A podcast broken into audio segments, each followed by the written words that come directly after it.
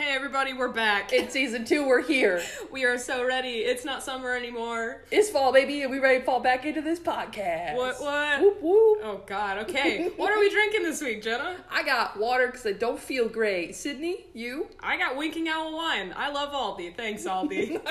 Please sponsor us. Maybe. Who knows? Oh, you know what? What? Season two is going to feature Jenna's magical journey. Yes, it is. This season, we're gonna figure out if there's a beer that I like. She doesn't like beer. I don't. I don't know how. It's not great to me. but we're gonna see if we can change that, guys. It's gonna be great. Every single week, we're going to have a new beer for her. We're going to find out. And also, what the heck are we talking about this season, Jenna? We got things coming like conspiracies, Disney Channel original movies. Sydney, what else we got? We got streaming services like Netflix, Hulu, and the like. And also an episode, Gone Too Soon? What's it mean? You're gonna find out. You gotta listen, then you'll know.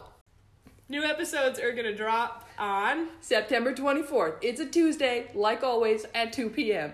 Oh my gosh, you guys, we are pumped, we are ready, we're back.